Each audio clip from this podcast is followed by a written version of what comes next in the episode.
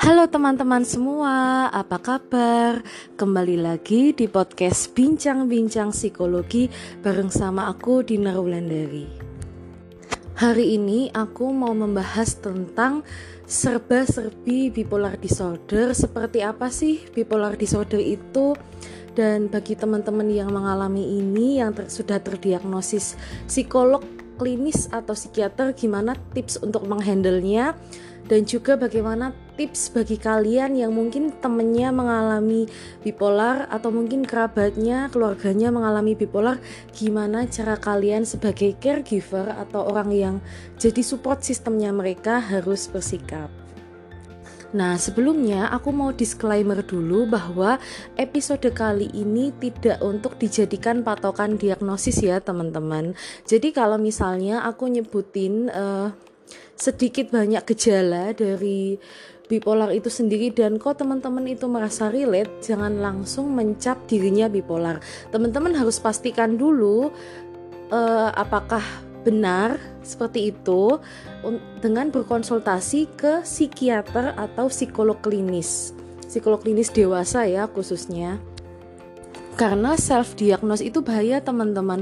Kalau teman-teman itu mendiagnosis diri sendiri mungkin yang tadinya teman-teman itu nggak ada gejala bipolar jadi ada. Karena kadang uh, apa ya perilaku kita itu sebenarnya mengikuti mindset atau pikiran kita. Jadi hati-hati untuk tidak melabeli diri sendiri yang belum tentu label itu benar dan belum tentu label itu membantu kalian. Karena sejatinya diagnosis itu bertujuan untuk membantu kita berkembang, membantu kita kenal sama diri sendiri. Kalau sebuah label itu justru menghambat kita, ya kita mesti pertanyakan lagi untuk apa kita membawa sebuah label yang itu menghambat diri kita. Jadi teman-teman, bipolar itu adalah bipolar disorder adalah satu gangguan jiwa yang masuk klasifikasi mood disorder atau gangguan suasana hati. Orang dengan bipolar disorder ini memiliki dua kutub ekstrim dalam uh, moodnya sehari-hari yaitu kutub ekstrim yang atas yaitu adalah fase manik atau fase up, fase yang lagi high dan fase depresi atau fase down, fase yang lagi drop. Intinya seperti itu. Tapi sebenarnya di tengah-tengah fase manik dan fase depresi ini ada fase normal dan ada fase hipomanik. Kalau fase hipomanik itu sedikit di bawahnya fase manik. Nah, kalau fase normal itu adalah fase ketika penderita bipolar sedang stabil di kehidupan sehari-harinya.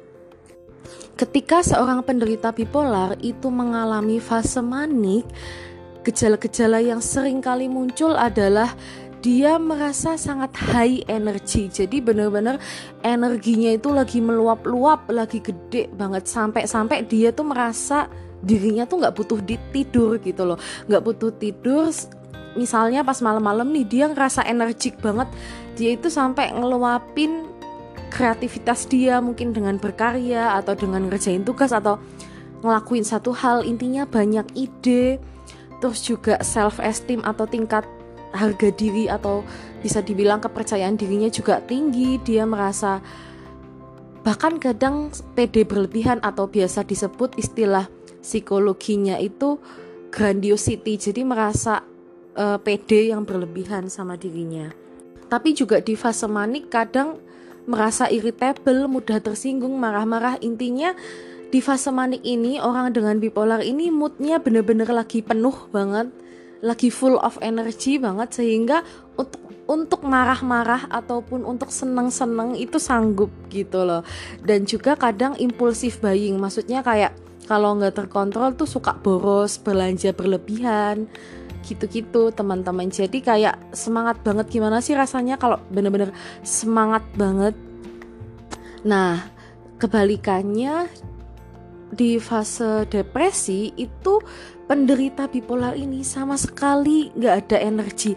Bener-bener kehabisan energi. Bahkan saking uh, apa saking nggak ada energinya sama sekali untuk bangkit dari tempat tidur untuk sekedar makan atau sekedar mandi doang itu kayak rasanya tuh nggak sanggup aktivitas-aktivitas yang biasa dilakuin selama ini yang membawa kesenangan jadi nggak terasa membawa kesenangan lagi ketika fase depresi. Contohnya misalnya ada seseorang yang dia tuh hobi banget tuh ngegambar. Pokoknya tiap hari ngegambar itu bikin dia itu happy, seneng, dia ngelakuin itu tiap hari itu hobinya dia. Ketika fase depresi, bahkan menggambar yang selama ini jadi kesukaan dia yang bikin dia happy pun udah nggak bikin dia happy lagi. Bener-bener kehilangan minat kehilangan kesenangan akan banyak hal di hidup ini. Juga muncul pikiran-pikiran menyalahkan diri sendiri menganggap diri nggak berharga. Ya menganggap diri itu juga apa sih aku ini? gitu. Kayak memandang diri itu rendah. Kebalikannya dari fase manik tadi itu yang memandang diri itu tinggi pede banget. Kalau di fase depresi bisa kebalikannya bisa inner kritik bisa mengkritik diri sendiri nyalain diri sendiri Bahkan yang paling ekstrim itu adalah ketika di fase depresi berat itu bisa muncul keinginan-keinginan ingin mati. Aku pengen mati aja deh. Aku udah nggak sanggup hidup. Aku capek hidup. Dan yang lebih ekstrimnya lagi muncul keinginan-keinginan bunuh diri sampai percobaan bunuh diri. Jadi perlu dibedakan ya teman-teman. Ada yang hanya sampai di tingkat dia itu cuma pengen mati gitu cuma pengen ya udah pokoknya aku pengen mati. Tapi ada yang terparah itu sampai benar-benar melakukan percobaan bunuh diri gitu. Jadi memang ada tingkat-tingkatannya. Ada yang sekedar pokoknya aku pengen mati pengen mati gitu. Tapi ada yang benar-benar mempraktekannya. Ketika itu benar-benar udah kondisinya udah gawat darurat udah parah. Nah kalau teman-teman menemukan ada teman-teman yang ada tanda-tanda ke sini udah pikirannya mungkin aku pengen mati deh aku pengen mati gitu. Itu mungkin perlu diwaspadai ya meskipun masih ada dalam pikiran tapi mungkin kalau depresinya dibiarkan berlarut-larut itu uh, apa kemungkinan ada bisa melakukan percobaan-percobaan bunuh diri. Makanya ketika uh, ada teman kalian yang bahkan sudah mengutarakan pengen bunuh diri, udah ngasih tahu rencananya apa, segera telepon psikiater, psikolog untuk minta ditangani. Nah, dari fase manik dan depresi ini ya, orang bipolar ini berganti-ganti, kadang sangat cepat, kadang kadang ibarat kata seminggu manik, seminggu depresi, atau sebulan manik, sebulan depresi, atau bahkan ada yang sampai tahunan gitu, ada yang sampai yang tahunan setahun mengalami depresi gitu, setahun mengalami manik. Nah, teman-teman, apa sih memangnya bedanya orang bipolar dengan orang normal biasa yang uh, yang mood swing juga, yang moodnya ganti-ganti? Kan kalau orang normal itu kan mungkin eh, nggak uh, menetap gitu ya gonta-gantinya. Misal iya emang kadang senang kadang sedih. Tapi kalau orang bipolar itu bisa menetap lama bertahun-tahun dan mengganggu produktivitas mereka sehari-hari. Orang dengan bipolar ini juga uh, perlu meminum obat rutin setiap hari dan menjalani psikoterapi dengan psikolog. Jadi bebarengan antara kontrol rutin ke psikiater di psikiater untuk konsultasi masalah pengobatan, obat-obatan dan kemudian diimbangi dengan ke psikolog, psikolog klinis tentunya, psikolog klinis dewasa untuk berkonsultasi tentang keluhan-keluhan psikologis yang dia alami. Karena sebenarnya penyebab bipolar itu bisa dibilang campuran antara faktor genetik dengan faktor lingkungan faktor genetik itu bisa uh, gen yang diturunkan dari keluarga besar atau orang tua kita langsung atau mungkin dari kakek nenek atau mungkin dari om tante itu bisa. Nah, faktor lingkungan itu bisa dari pola asuh, bisa dari trauma masa kecil, kejadian-kejadian waktu masa kecil, remaja. Nah, dua hal itu bercampur berkontribusi hingga seseorang itu mengalami atau menderita bipolar. Sehingga pengobatannya tentu alangkah baiknya tidak hanya satu sisi, tidak hanya obat-obatan atau secara biologis aja, tapi juga berproses dengan psikolog untuk menghealing trauma-trauma yang dialami penderita bipolar ini. Karena untuk menuju kestabilan uh, penderita bipolar itu tidak hanya perlu stabil secara biologis tapi juga stabil secara mental. Dan kenapa sih kok perlu obat-obatan? karena gangguan bipolar ini terjadi akibat ketidakseimbangan neurotransmitter cairan di neurotransmitter. Nah, fungsi obat itu untuk menstabilkan lagi hormon-hormon di tubuh kita, teman-teman. Dan biasanya setahu aku obat yang diresepkan untuk orang bipolar itu ada untuk antidepresinya, ada untuk anti maniknya, dan juga ada untuk mungkin kalau bipolar yang ada kecemasannya juga dikasih obat anti cemas dan gak semua obat itu cocok sama satu penderita bipolar. Ada satu penderita bipolar dia cocoknya dengan obat yang mereknya ABC, tapi kalau yang lain DEC gitu. Jadi obat ini juga cocok-cocokan bagi penderita bipolar. Mereka perlu uh, rutin konsultasi sebulan sekali ngasih tahu ke psikiaternya gimana progres mereka keluhan mereka apa yang mereka alami dengan obat ini misal dok saya tuh ngerasa nggak cocok pakai obat ini karena kalau pakai obat ini malah jadi susah tidur atau jadi susah ngomong gitu. Nah, hal-hal kayak gitu perlu disampaikan penderita bipolar ke psikiater yang nanganin dia.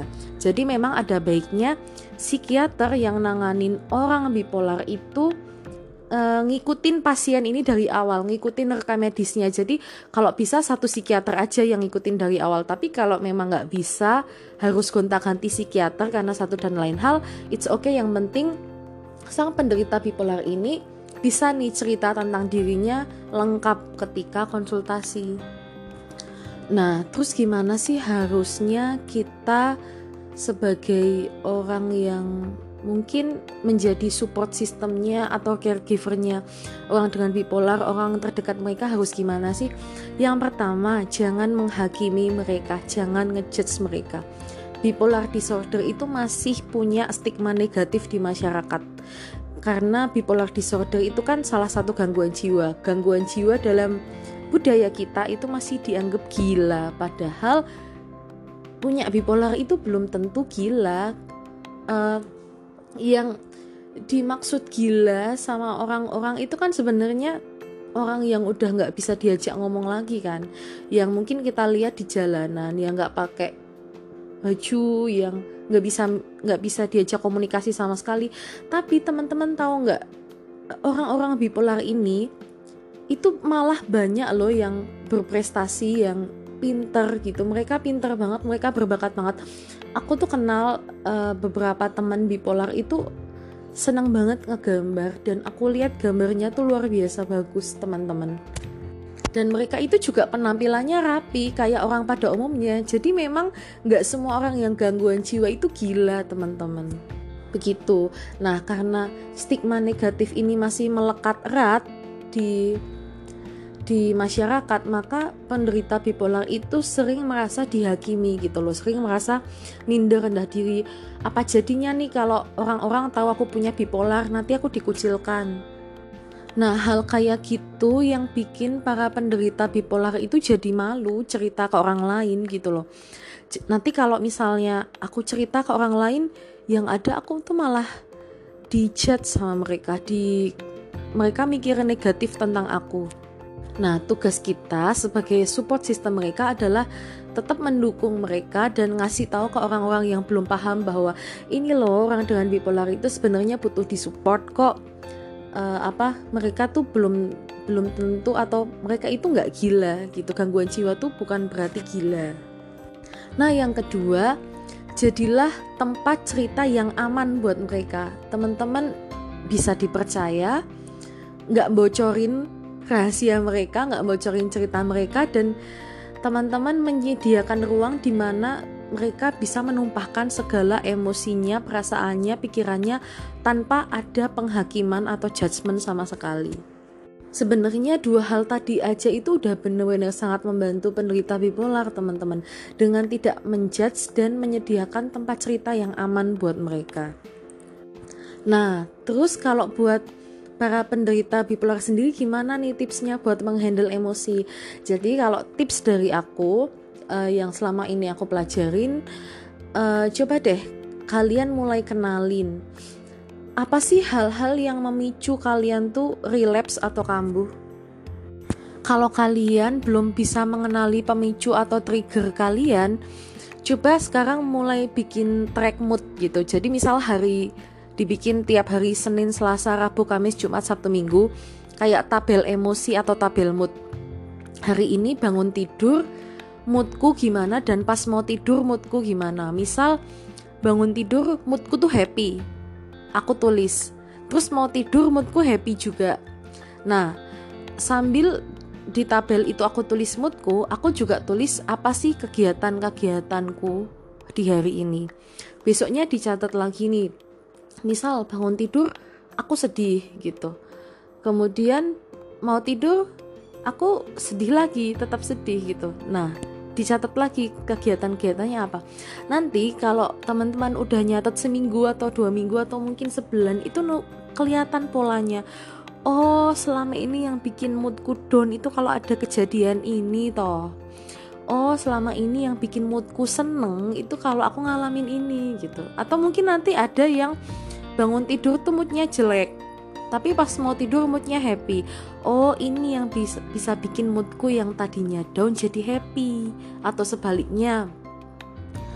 Bangun tidur moodnya happy mau tidur moodnya jelek.